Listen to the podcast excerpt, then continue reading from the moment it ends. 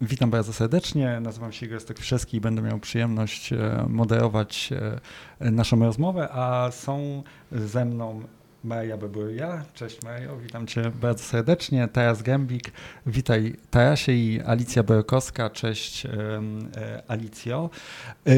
Będziemy rozmawiali o kulturze migracji, o instytucjach kultury, o osobach migranckich i uchodźczych w tym kontekście i dlatego rozmawiamy w takim składzie.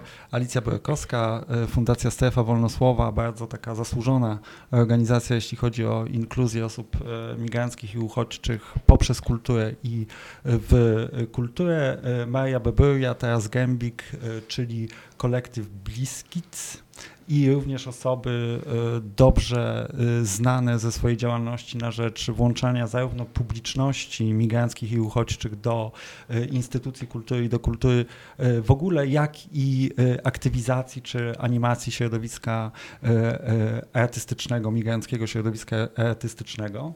Okolicznością znajdujemy się w ogóle w Staromiejskim Domu Kultury w Warszawie i y, punktem wyjścia jest y, troszeczkę, y, czy taką platformą, na, na, na której będziemy rozmawiać, jest portal migra2.pl, który został założony przez strefę wolnosłową jakiś czas temu. W tej chwili jest współtworzony właśnie sta ze Staromiejskim Domem Kultury w Warszawie i może zaczęlibyśmy po prostu od tego, żeby opowiedzieć troszeczkę o tym, czym jest ta inicjatywa jako punkt wyjścia do tego, co jeszcze warto i co trzeba zrobić, żeby jakoś y, spotkać kulturę i y, osoby migranckie i uchodźcze. Alicjo, może zaczniemy od, od Ciebie. Powiedz proszę, skąd pomysł na, na portal, to po pierwsze i po drugie, jakie były jego losy, bo on już istnieje od jakiegoś, od jakiegoś czasu.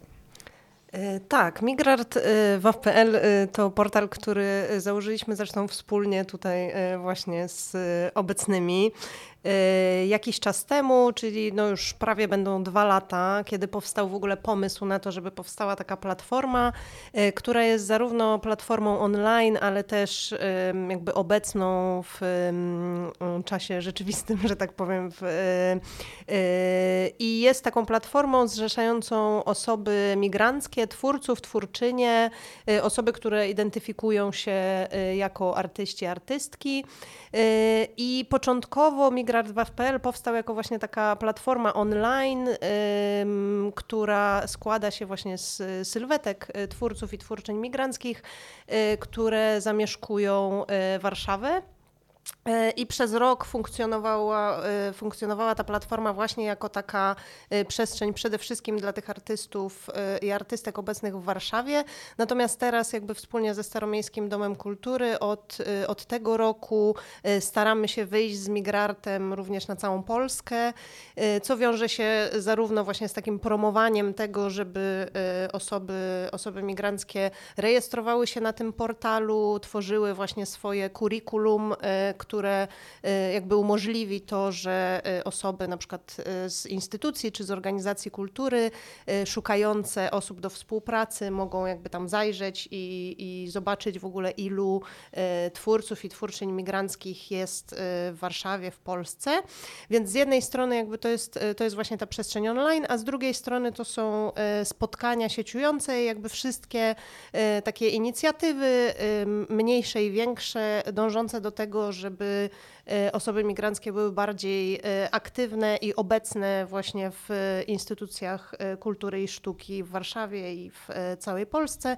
Także od, od dwóch lat jakby z, z różną regularnością, ale organizujemy różnego typu spotkania sieciujące w różnych instytucjach kultury, y, ale też, y, ale też jakby dbamy o taką komunikację w ogóle między, między tymi artystami, staramy się łączyć y, osoby z instytucji kultury z osobami obecnymi jakby na, na migrarcie i tak. Dzięki, e, dzięki ogromne.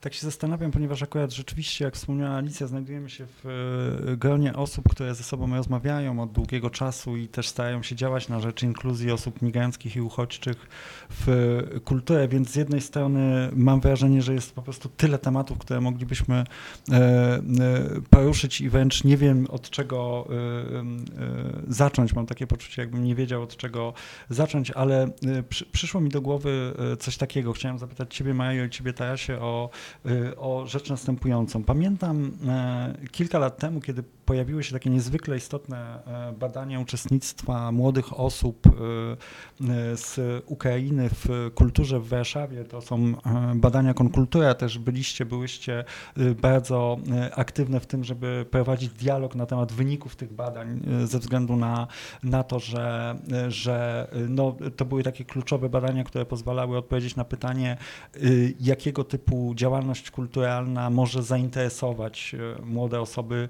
m, z e, Ukrainy mieszkające w Polsce. I mam wrażenie, że m, w tamtym czasie otwierały się różne bardzo takie pozytywne możliwości. Znaczy, byliśmy w takim momencie, w którym te jeszcze rok czy e, dwa lata temu, kiedy z jednej strony y, coraz śmielej aktywizowało się środowisko artystów, artystek migranckich, było coraz więcej e, zarówno projektów, jak i coraz więcej z tych artystów, artystek brało udział w regularnym życiu artystycznym tutaj w Polsce. Otwierały się te możliwości coraz śmielszej inkluzji publiczności. Też w tamtym czasie oboje pracowaliście, pracowałyście w Muzeum Sztuki Nowoczesnej, zajmując się kwestiami publiczności e, migranckiej i jej obecności podczas wystaw i e, wydarzeń.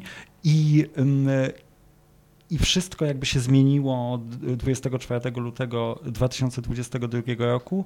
Do tego za chwilę przejdę, ale chciałem jeszcze wrócić do tych badań. Jak y, przypominacie sobie, co te badania wskazywały, jeśli chodzi o konieczność ym, zrobienia, żeby otworzyć się na publiczności i udział osób migranckich w y, kulturze, czy byli, byłybyście w stanie jakby podzielić się z nami taką mikrodiagnozą, czy od tych badań, waszym zdaniem, przed 24 lutego 2022 roku coś zaczęło się zmieniać pod kątem włączenia y, osób, y, przede wszystkim publiczności, ale nie tylko osób migranckich do y, instytucji kultury. Jeśli jesteście w stanie sięgnąć pamięcią przed 24 s- y, luty.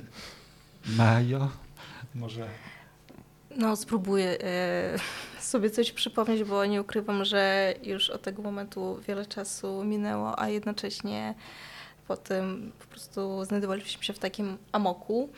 E, natomiast jeżeli dobrze pamiętam, to jednym e, z takich ważnych punktów e, w wynikach tych badań było takie stwierdzenie, że osoby migranckie przyjeżdżające do Polski też przenoszą e, swój y, po prostu swoje doświadczenie z kraju pochodzenia i ich styl włączania się z kultury jest bezpośrednio związany z tym, jak oni e, brali udział w kulturze w swoim kraju pochodzenia. Mm, I nawet e, udało nam się też, oprócz tego, że prowadziliśmy kilka takich dyskusji, ale też e, nagraliśmy film z e, e, Internacjonale, który e, był po prostu takim mm, na, naszą taką możliwością, e, żeby zbadać w ogóle e, to, jak my postrzegamy instytucje kultury, jak je postrzegaliśmy, jak tutaj przyjechaliśmy już prawie 10 lat temu, e, jak próbowaliśmy się odnaleźć w tych wielkich, masywnych instytucjach kultury, które są dość ekskluzywne. Mm, I szczerze mówiąc, do tej pory, nawet po 24, te, e, te badania, te jakieś nasze postulaty wciąż są dość aktualne. Oczywiście wiele rzeczy się zmieniło, chociaż nie aż tak wiele. Natomiast y, chyba jedną z najważniejszych rzeczy jest taka, że teraz ta potrzeba w włączaniu osób przyjeżdżających, szczególnie jeżeli to są osoby uciekające przed wojną, ta potrzeba ich włączania się do, ym, włączania ich do instytucji kul- kultury czy życia kulturalnego w ogóle jest po prostu niezbędna. Ym, ponieważ y, no oczywiście pierwszym mm, pierwszą potrzebą jest zabezpieczenie e, bezpieczeństwa, jedzenia, pracy, mieszkania itd. Natomiast właśnie dzięki e, udziału w kulturze te osoby po prostu mogą się odnaleźć jakoś, być, mm, odnaleźć się w tej wspólnocie. Mm, A szczególnie właśnie teraz w Solidarnym Domu Kultury Słonecznik, który prowadzimy od 24 lutego przy ulicy Pańskiej 3, przy e, biurze Muzeum Sztuki Nowoczesnej, udało nam się zbudować właśnie taką community osób, które przyjechali w tym roku i które po prostu potrzebują przede wszystkim, żeby być razem, żeby być z osobami, które ich rozumieją, a sztuka i kultura po prostu stają się takim mm, pretekstem do tego i takim narzędziem. I mi się wydaje, to jest coś, co e, zawsze e, dla nas było takim jednym z punktów wyjścia, że kultura i sztuka, tak, to są mega ważne rzeczy, natomiast przede wszystkim to jest człowiek i najważniejsze są jego potrzeby. I, no i tak, więc kultura i sztuka są po prostu dla nas takim narzędziem, żeby budować e, te więzie e, międzykulturowe, międzyludzkie, ale też pomagać osobom, mm, które dopiero co przyjeżdżają do Polski i na przykład to są osoby uciekające z Ukrainy, to są osoby młode, żeby pomagać im lepiej po prostu poczuć się w tym kraju podczas tego, jak trwa wojna e, i robić coś wspólnego razem. Dziękuję ogromnie. Teraz y, Ja mogę tylko dodać i zachęcić osoby obejrzeć ten film. On jest na stronie El Internacional. Ale tak teraz sobie jak przypominam go, to mm, nie wiem, mm, punktu widzenia dzisiejszego jest to takie bardzo śmieszne. W sensie wiecie o co chodzi. Rozmawialiśmy wtedy o takich rzeczach jak y, robienie napisów po ukraińsku. Wiecie, wtedy to naprawdę było jakiś taki wow. Nie wiem, jak się jakaś instytucja zrobi ulotkę po ukraińsku albo napisy pod pracami, mm, to to, wiecie, to był szok, nie? Jakby i ogromna radość. Teraz po prostu idziesz w jakąkolwiek instytucję. mm, Są napisy po ukraińsku, na szczęście też pojawiają się napisy po białorusku i tak dalej, więc y, Wiecie, to też jest tak, e, kurczę, taki confuse dla mnie. Wiecie, kiedy w momencie, kiedy do, do 24 lutego w, w Polsce mieszkało ponad milion e, osób z Ukrainy, tylko tam chyba 1 milion i 500 tysięcy osób zarejestrowanych. Niezarejestrowanych jeszcze więcej. Mm, Po 20 mm, roku społeczność białoruska, która tutaj przyjechała, mm, jest ogromna, i wiecie, ten taki konflikt polega na tym, że w momencie, kiedy było tak stabilnie i można było y, rozwijać i pracować nad strategią w ogóle, mm, a wszyscy widzieliśmy, wiecie, widzieliśmy wszyscy, że coś, mm, nie chcę tutaj przeklinać, ale coś, coś się wydarzy. Było to, wiecie, związane z y, kryzysem mm, polsko-białoruskim, który nadal trwa. Y, Później protesty, później wojna, wiecie, i mieliśmy naprawdę taki wielki kawał czasu do tego, żeby przygotować się, a niestety, wiecie, w momencie, kiedy już osoby uciekają przed wojną, wiecie, mm, angażować ich w kulturę to jest taka już rzecz długo, długorzędna. W sensie pierwszorzędne jest to, żeby właśnie mm, dać te wszystkie takie jakieś podstawowe rzeczy, w sensie do życia, do po prostu wiecie, funkcjonowania nie w społeczeństwie, a później dopiero osoby będą myśleć y, o kulturze i tak dalej, i tak dalej. Wiecie, mnie najbardziej boli to, że okej, dobra, z, jakoś tam instytucje mm, zareagowały, wiecie, zareagowały w, pierwsze dni, w pierwsze miesiące, nie? Jakby teraz już widzimy, że to zainteresowania, te wiecie, te takie też po prostu ludzkie siły i zasoby się kończą, nie? Mm, ale wiecie, mogliśmy, jakby mieliśmy na to czas, żeby do tego bardziej się przygotować. Mm, Niestety, niestety, ja widzę, że nie do końca to, wiecie, udało się wszystkim, w sensie, wiecie, super, że też jesteście wy i mega mm, dziękuję, dziękujemy, wiecie, też wam za całe wasze zaangażowanie i tak dalej, ale to jest jakieś, nie, kilka procentów z całej jakby w ogóle, wiecie, ilości mm, instytucji, organizacji itd., itd., itd., które, do których po prostu krzyczeliśmy, wiecie, jakby cały czas dobijaliśmy i tak dalej, nie? No, ale jakby wiecie, ja też mm, bardzo dobrze przypominam sobie, tak y, pozwolę przypomnieć nasz y, finalny projekt y, na Instytucie Otwartym. Wiecie, y, nie chcę oczywiście tutaj bawić się w y, jakieś takie prorocze po prostu ten, ale rok wcześniej stworzyliśmy, może ktoś z osób też nie wie, jakby finalnie Instytutu Otwartego taki projekt, gdzie razem z Marią i z y, Uniwersytetem Otwartym przygotowaliśmy y, posiłki, przygotowaliśmy takie kartki mm, z niezbędnymi informacjami dla osób, które przyjeżdżają y, do Polski, żeby przywitać ich y, na dworcu zachodnim, mm, powiedzieć im, gdzie mogą się udać, co mogą zrobić i tak dalej, i tak żeby poczuły się chociażby troszeczkę y, przywitanie tutaj, nie? A rok y, później po prostu, wiecie, kanapki tysiącami, nie wiem, ulotki jakimiś setkami, nie? I tak dalej, i tak dalej. No, niesamowite. Yy, Okej, myślę, że em, znaczy, jakby mam wrażenie e, teraz, że bardzo mocno e, postawiłeś sprawę, że jest jakaś taka totalna nieadekwatność, jeśli chodzi o to, e, w jaki sposób instytucje kultury starają się mierzyć z, ze skalą osób uchodźczych. I tak się zastanawiam, bo jakbyśmy tak wprost mieli w ogóle powiedzieć, gdybyś ty, Mario, i ty, Tarasie, mieli wprost powiedzieć, y, y, co waszym zdaniem y, instytucje kultury powinny w tej chwili robić i jak się nastawić do tej sytuacji, co powinny zmienić. Wiemy, że, sytua- że sytuacja jest złożona i tak dalej, i tak dalej, ale tak gdyby zechcieć fantazjować albo nawet wylać z siebie em, em, teść, co to powinno, e, co to powinno być? Mm, Przede wszystkim mi się wydaje, że chodzi tutaj po prostu o zainteresowanie i motywację i po prostu e, przyjęcie tego, że to już nie jest wybór, że o dobra, będziemy zajmować się angażowaniem publiczności migranckiej, choć czy nie, to nie jest wybór, to jest po prostu niezbędne, bo ta publiczność to, to są wszyscy my, to są osoby na ulicach, to jest już po prostu em, populacja tego miasta i, i Polski.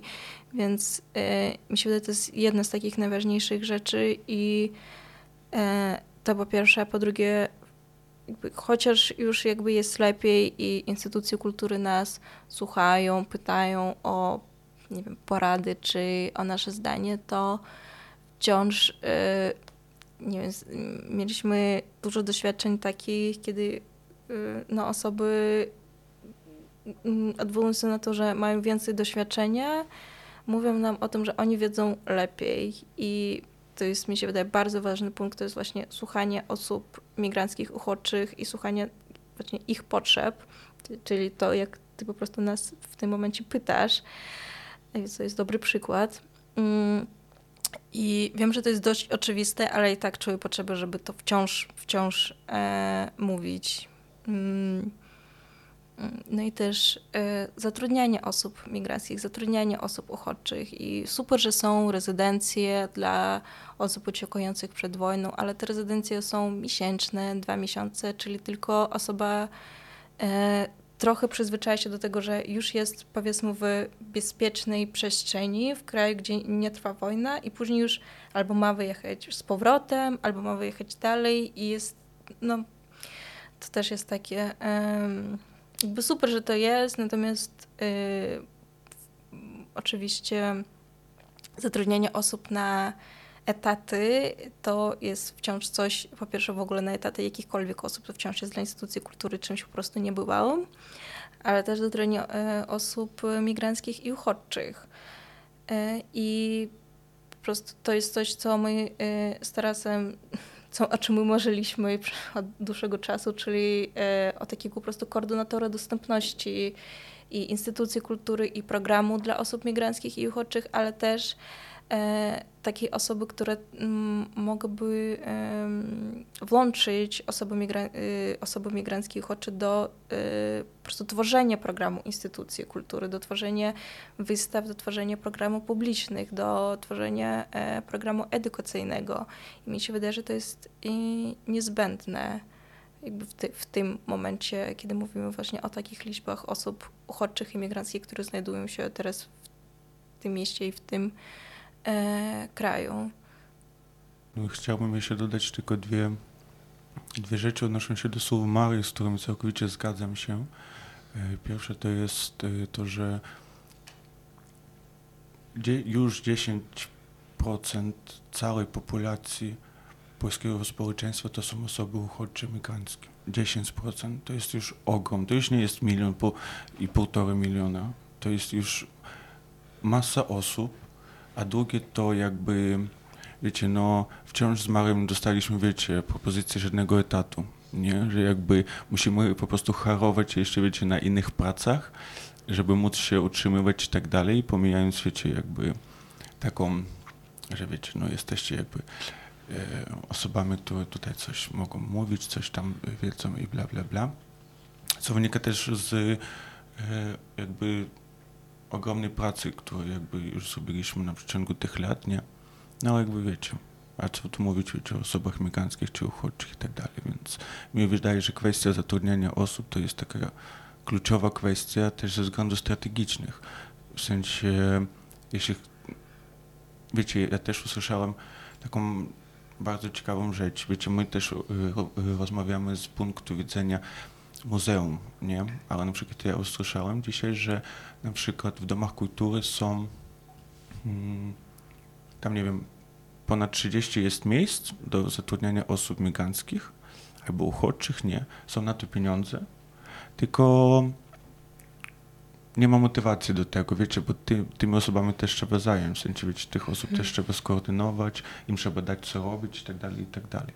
Więc mi się wydaje, że wiecie, że zatrudnianie takich osób, które są wiecie, no prowadzimy różne rekrutacje i tak dalej, można zobaczyć na ile osoba jest, nie wiem, zaangażowana, chce być zaangażowana i tak dalej.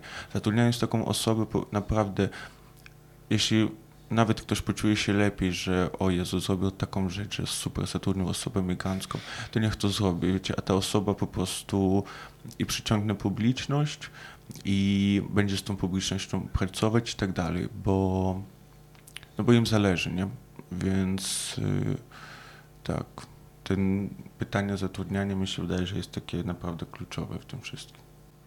Mogę jeszcze coś y, dodać, bo też y, nie chodzi tutaj o to, że instytucja kultury czy mm, nie wiem, jakieś galeria, muzeum, teatr. Y, zrobi jakieś wydarzenie, ale warsztaty dla dzieci ukraińskich i będzie po prostu, że wow, i przyjdą setki tych dzieci, że nie, jakby praca ze społecznością to jest bardzo długa, bardzo długi proces, żeby znaleźć tę pu- publiczność, żeby ich zaprosić w jakimś takim adekwatnym języku i stworzyć przestrzeń, w której oni są, czy poczują się bezpiecznie w tej instytucji kultury, czy w mm, innym miejscu, ale też nie oczekiwać jakiegoś, nie wiem, medalu za to, że wow, y, robimy coś fajnego dla osób migranckich, uchodźczych i tak dalej. To, mm, to, to mi się wydaje też jakieś takie ważne i też jakby mówimy tutaj o tym, że to jest praca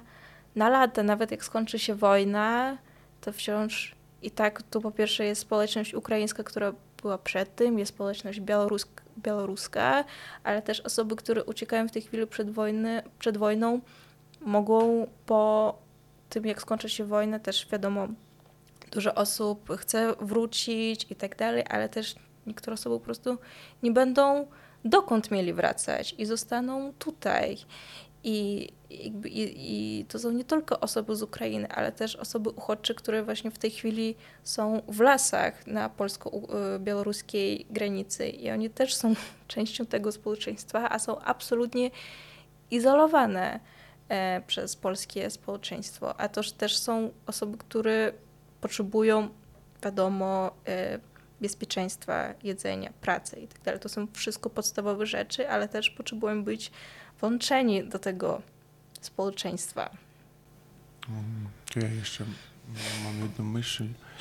E, Dlaczego też mówimy o tych etatach i tak dalej, i tak dalej. Wiecie, jakby też mm, widzimy tą publiczność, która jest przy instytucjach, jest to zazwyczaj jest to publiczność y, ukraińsko, biał- y, nie? A, a co z publicznością y, kazachską, co z publicznością gru- gruzińską, z wietnamską, która jest druga po ilości w, Polsce? widzicie bardzo dużo osób, y, które korzystają z oferty kulturalnej muze- albo muzealnej i tak dalej w Warszawie, takich osób. Nie, dlatego, dlatego etaty potrzebne, bo to jest ogrom pracy, jakby wiecie, nawiązywania sojuszów, wiecie, jakby my sami w pojedynkę się nie damy rady, wiecie, my musimy współpracować z nie wiem, naszym przykładzie, wiecie, z ukraińskim domem, z punktami recepcyjnymi, z innymi organizacjami, tylko wtedy to ma sens. Wiecie, jak mówię, po takiego po prostu wydarzenia na Facebooku, że ej, he, hej, ho, la, la, la, robimy tam po ukraińsku, prywit, prywit, jakby to nie zadziała. To jest, mm, to jest nawiązywania i tworzenia po prostu relacji z mm, innymi osobami, z innymi podmiotami, z innymi NGO i tak dalej, i tak dalej. Wtedy tylko jakby, a to jest naprawdę ogrom pracy, fizyczny też przede wszystkim.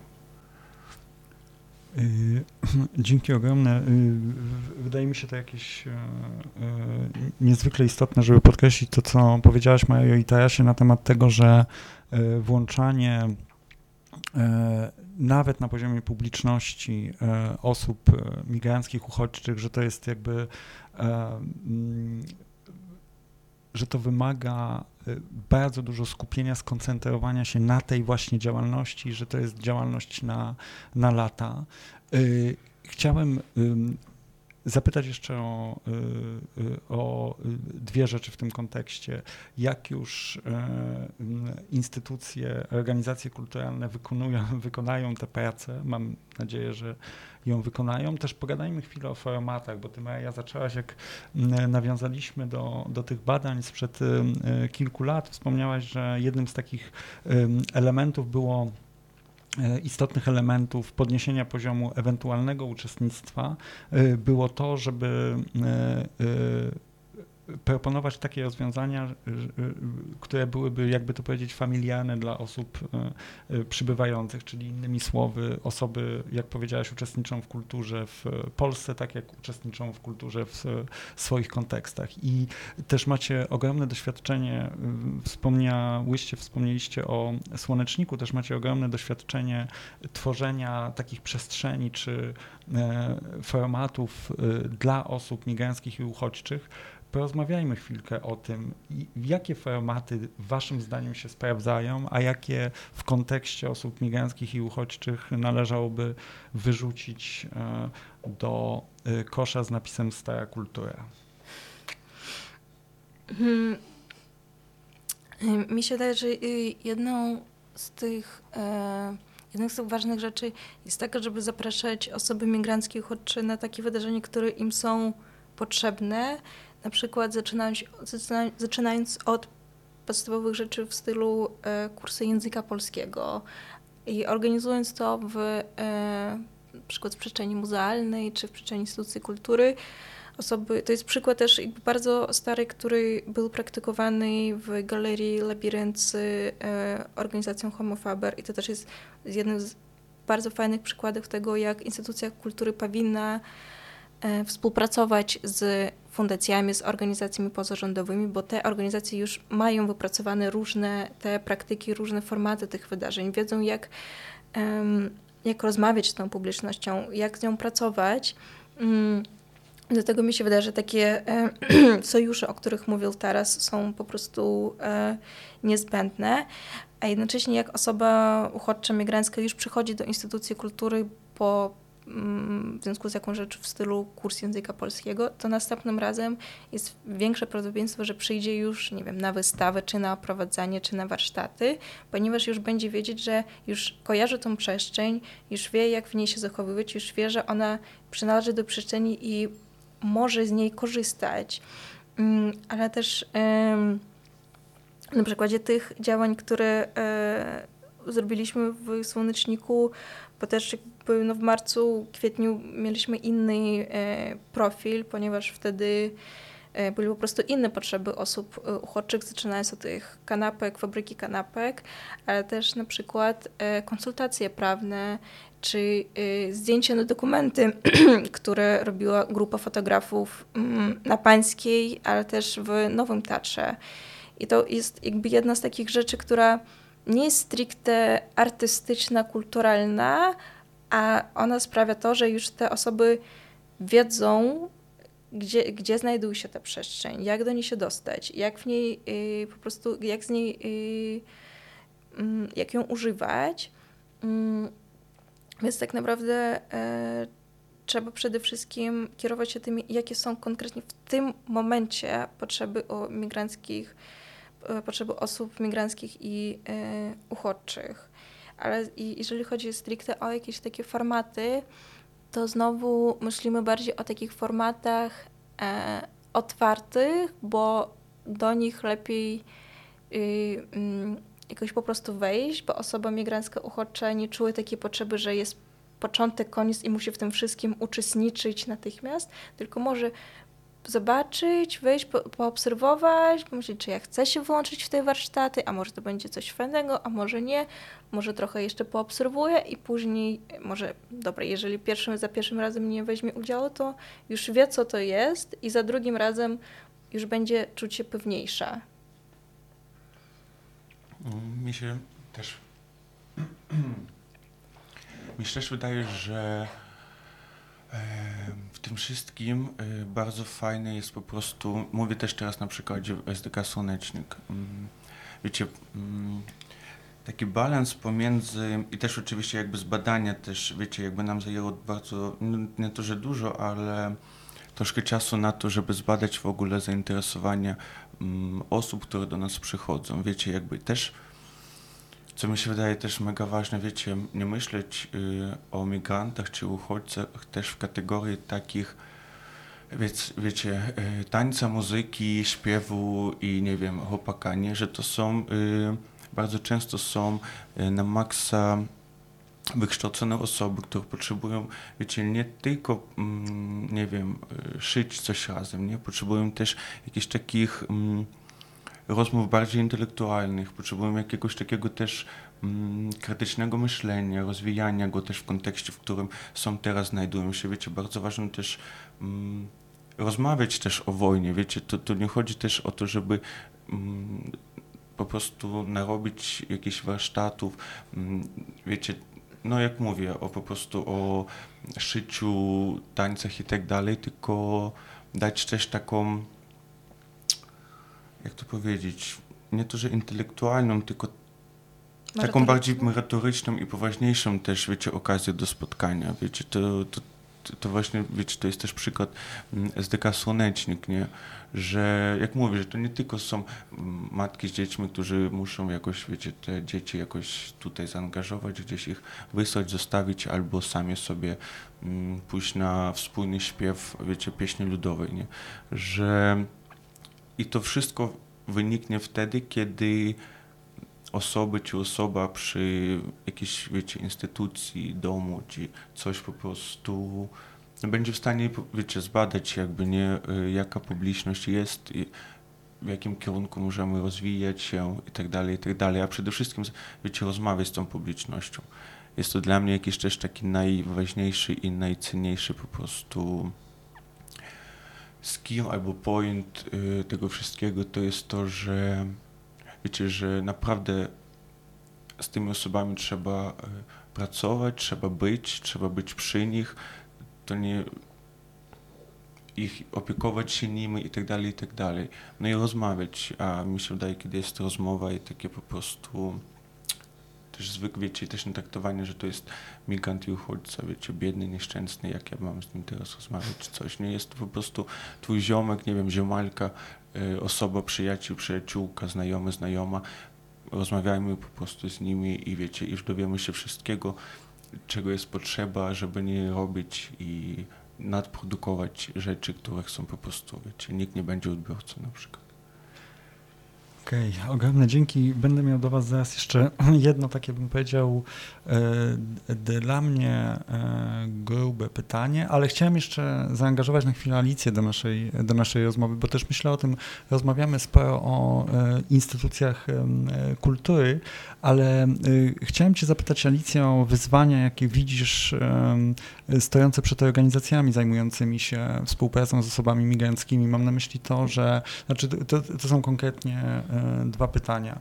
E, jedno brzmi, e, czy masz poczucie, że po 24 lutego 2022 roku coś znacząco zmieniło się, jeśli chodzi o kontekst, w jakim pracują takie organizacje jak Strefa Wolnosłowa, a drugie, ponieważ Maja, podając przykład Galerii Labirynt i współpracy z Homofabe, też zaznaczyła, że jednym z kluczy, żeby instytucje kultury w sposób bardziej, że tak powiem, adekwatny angażowały się w, we włączanie osób migranckich i uchodźczych jest to, żeby w, intencjonalnie zapraszały organizacje posiadające know-how do, do współpracy i Stefa jest jedną z takich organizacji, jedną z czołowych i kluczowych w Polsce organizacji zajmujących się od 10 lat pracą w kontekście uchodźstwa i migracji.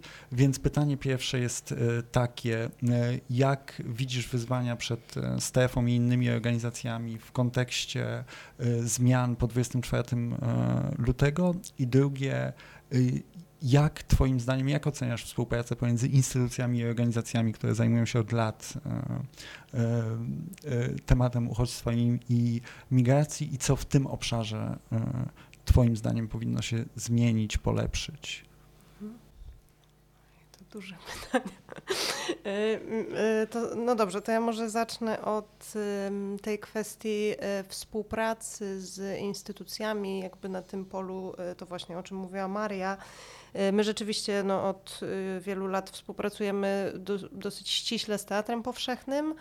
I wydaje mi się, że no, ta współpraca ma bardzo dużo plusów i takich jest y, taką okazją do tego, żeby rzeczywiście stworzyć taką przestrzeń, gdzie osoby migranckie, uchodźcze mogą e, zacząć uczestniczyć e, w życiu instytucji kultury i w ogóle w życiu kulturalnym poprzez jakiś taki ta, ta, taką, taką przestrzeń przejściową, powiedzmy, nie? To znaczy, ja trochę widzę taką naszą rolę w tej współpracy z większą instytucją, znaczy w ogóle z instytucją, tak, no bo my jesteśmy organizacją i, e, i mamy zupełnie inny profil, e, jako taki, mm, jako e, taką przestrzeń, gdzie osoby mogą się dobrze poczuć, gdzie mogą przyjść na zasadzie takiej właśnie nieposzukiwania pomocy i tego, żeby właśnie, że właśnie niekoniecznie na kurs języka, czy po to, żeby, żeby wziąć udział w jakiejś konsultacji, nie wiem, zawodowej, psychologicznej i tak dalej, tylko że mogą jakby spotkać się z osobami innych narodowości, w tym jakby też z tymi e, osobami pochodzenia polskiego, na jakimś takim e, e, wspólnym gruncie właśnie tej, tej rozmowy, tym trochę o czym, o czym mówiłeś Taras, jakiejś, jakiegoś wspólnego zastanawiania się nad ważnymi rzeczami, dyskusji, wspólnego tworzenia i od, odnaleźć się w jakiejś takiej przestrzeni, gdzie właśnie nie są traktowane jako osoby, które potrzebują e, pomocy, tak? To znaczy, ja absolutnie nie neguję tego, że osoby migranckie, uchodźcze, które tutaj jakby przyjeżdżają, nie potrzebują jakby właśnie kursów języka, psychologicznych, konsultacji i tak dalej. Jakby jest dużo, dużo organizacji, które się tym zajmują w świetny sposób i, i profesjonalnie, natomiast wydaje mi się, że cały czas brakuje takich inicjatyw i przestrzeni, Y, które byłyby takimi miejscami właśnie y, wspólnego bycia, gdzie nikt nie jest w takiej roli właśnie y, biednego, który dopiero co przyjechał i potrzebuje miejsca do spania, potrzebuje pomocy od kogoś, kto tutaj jest jakby u siebie, tylko właśnie takiej przestrzeni, gdzie jakby wszyscy jesteśmy u siebie, tak? I trochę jakby tak widzę tą tą naszą działalność e, strefy wolnosłowej jako właśnie taką, taką przestrzeń, gdzie każdy może się poczuć u siebie e, i trochę nabrać takiej, e, takiej też pewności, że może brać udział w ogóle jakby w, właśnie w e, kulturze i w ogóle w działaniach, wiecie, inicjatywach na jakimś takim, e, no właśnie, na równi ze wszystkimi, tak? Że jest to jakiś taki, e, że w momencie, kiedy gdzieś tam nie mam jeszcze, nie wiem, śmiałości, odwagi, albo po prostu nie czuję się zaproszony, zaproszona, tak? Do tej oferty z różnych względów, to mam jakąś taką przestrzeń, w której mogę zauczestniczyć i trochę też e, poczuć się właśnie u siebie i pełnowartościowy, przypomnieć sobie, kim ja jestem, oprócz tego, że jestem tą osobą, która uciekła, bo to jest jakby jedna z moich tożsamości, a mam ich e, jakby mnóstwo, jestem jakby wykształcona, mam studia, nie wiem, no jakby wiecie, no osoby są najróżniejsze. I mm, więc jakby rolę organizacji y, jakby widziałabym jakby jako takie właśnie, y, jako taki pomost y, i, i gdzieś tam trochę mediację, no bo wydaje mi się, że, że, że instytucje kultury no jakby przez ten rok y, szczególnie no pewnie zrobiły dużo dobrego, to znaczy jakby na pewno zauważyły, że są osoby migranckie i uchodźcze, nie? I to myślę, że trudno było nie zauważyć, jakby y, wiadomo, po 24 lutego niektórzy już widzieli wcześniej, a niektórzy jakby teraz się zorientowali. Natomiast wydaje mi się, że, że jakby nadal nadal jest mało takich miejsc, które byłyby y, mm, zapraszające, tak, i pracowały. Wy- Wydaje mi się, że też jakby, wiecie, instytucje jednak tworzą jakiś taki program, gdzie jest, y, ja, ja tak, ja tak y, trochę to widzę, że, że jest trochę mniej y, miejsca, przestrzeni jakby z różnych względów na takie działanie w ogóle procesowe, na działanie takie na relacjach, jakby coś, co właśnie wy robicie w Słoneczniku, my robimy w strefie wolnosłowej i co też jest jednak domeną bardziej organizacji niż instytucji. Czy to jest dobre, złe, jakby nie no po prostu tak jest, nie? Tak czuję, że, że, że tak jest, więc, y, więc wydaje mi się, że jakby takie, mm, jakby wszelkiego rodzaju współpraca, jakby tutaj to fajnie działa i też widzę, że jakby dosyć dużo instytucji jakby ma, jakby wychodzi z takimi inicjatywami, tak? No, jeżeli chodzi o Warszawę, no bo to jest jakby nasze podwórko, no to y, jakby ratusz też to wspiera mm, jakby tymi funduszami w ogóle, tak? Na, na y, współpracę instytucji i organizacji i to jest jakby super fajne ze względu na to, że wiecie, no najpierw to był powszechny, który współpracował ze strefą, a teraz rzeczywiście jakby instytucje się zorientowały, że a tak, jeszcze możemy mieć na to fundusze, to jakby ma dużą wartość i dużo organizacji jest zapraszanych jakby do różnego rodzaju współprac jakby w takich dziedzinach, gdzie ma, e, wiecie, doświadczenie i, i, i wiedzę, więc, więc myślę, że to jest jakby mega, że jakby instytucje też widzą w organizacjach e, partnera, partnerkę.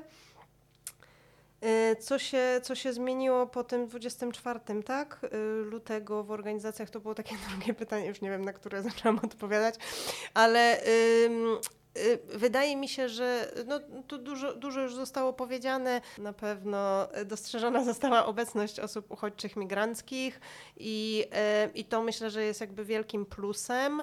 E, I dużo instytucji, e, organizacji też e, zaczęło jakby myśleć o tym, jak w ogóle włączać osoby w swoje działania, inicjatywy. Wydaje mi się, i to jakby o czym, o czym mówiła wcześniej Maria, że, że mega ważne jest teraz, żeby pamiętać o tym, że y, miejmy nadzieję, że ta wojna y, konkretna, która jakby mm, wam, nam wszystkim jest w tym momencie najbliższa, że tak powiem, dziwnie to zabrzmiało, no ale w każdym razie miejmy nadzieję, że ona się jak najszybciej skończy, ale jakby są inne wojny na świecie, tak? I teraz y, no, to, to y, o czym wiemy, że jakby na granicy też polsko-białoruskiej jest mnóstwo osób, które nam codziennie przypomina o tym, że w innych częściach świata też są y, wojny y, cały czas i od kilkudziesięciu lat i tak dalej, i tak dalej.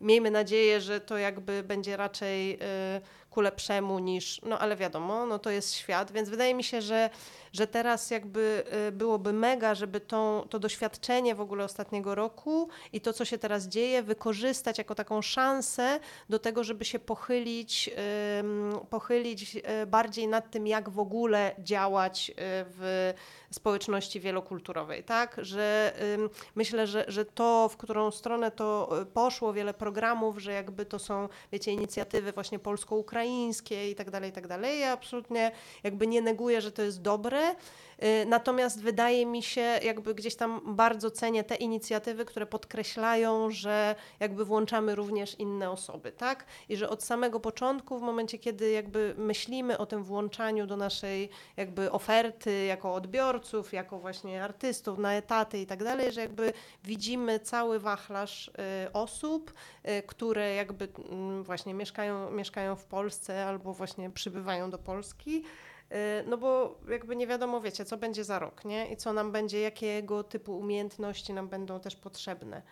Więc, więc wydaje mi się to też mega ważne i, i o tym zresztą wy też jakby mówiliście, tak? Żeby po prostu widzieć, widzieć wszystkich, tak? I, I te problematyki, które gdzieś tam e, wychodzą przy, e, przy teraz jakby tym, e, tym kryzysie wykorzystać do tego, żeby gdzieś tam stworzyć taką refleksję szerszą. To jest super punkt wyjścia do mojego ostatniego pytania, tego z cyklu grubych, tego, które zapowiedziałem jako grube, bo tak się zastanawiam i y, powiedzcie Mario, teraz się tak zupełnie szczerze, bo też jak wspomniała Maria, żyjecie w Polsce od y, wielu, y, wielu lat i myślę o tym, co Alicja mówiła o szansie na głębokie przemyślenie i wyp- wypraktykowanie społeczeństwa wielokulturowego w przyszłości albo takiego transkulturowego w przyszłości.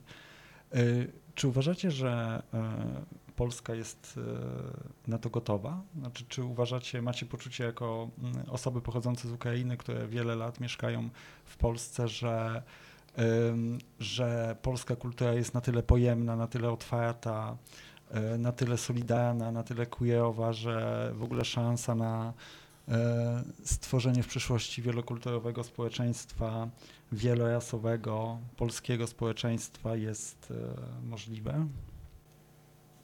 Jeśli każdy i każdy z nas zaangażuje się na tyle i da od siebie tyle, żeby przynajmniej uwierzyć w to, że to się da zrobić i wiecie, i po prostu będziemy to robić. Jest to, ja wiem, że to może być taka, wiecie, syzyfowa praca po prostu, która, wiecie, będzie po prostu tam, siam, tam, góra, dół, góra, dół i tak dalej, i tak dalej. Tylko słuchajcie, no ja wierzę. Tak, ja ogólnie jestem takim skończonym optymistą całe swoje życie, nie? I po prostu wierzę, że, że to się da. Oczywiście bardzo boleśnie, no to na pewno, ale się da. Ja przyznaję się, że jestem zaskoczona tym pytaniem, ale też e, e, przyznaję się, że w tej chwili też jakby no zastanawiam się, co będzie jutro i nie jestem w stanie myśleć aż tak daleko, bo wciąż jesteśmy w takim mm, trybie survival i nigdy nie wiemy, co się wydarzy następnego dnia, kiedy kładzie się spać, a następnego dnia się okazuje, że nie wiem, że spadło kolejne po prostu 100 ro- rakiet w ciągu dnia i to jest y, nowy rekord od początku mm, inwazji Rosji na Ukrainę. Mm, nie wiem, no my tu jesteśmy, coś robimy, więc chyba to jest możliwe, ale też pamiętajmy o tym, że my tutaj wszyscy za tym stole jesteśmy w tej samej bańce i bardzo fajnie sobie rozmawiać o tym, jak jest e, fajnie e, LGBTQ friendly czy refugees friendly, a tak naprawdę Polska jest ogromna i jesteśmy dosłownie w środku Warszawy, w centrum, a ten kraj jest ogromny. Więc musimy działać oczywiście tutaj i z taką nadzieją, że później w ciągu jakiegoś tam czasu to jakoś się zmieni. Bardzo Wam dziękuję za rozmowę. Dzięki. Dziękujemy.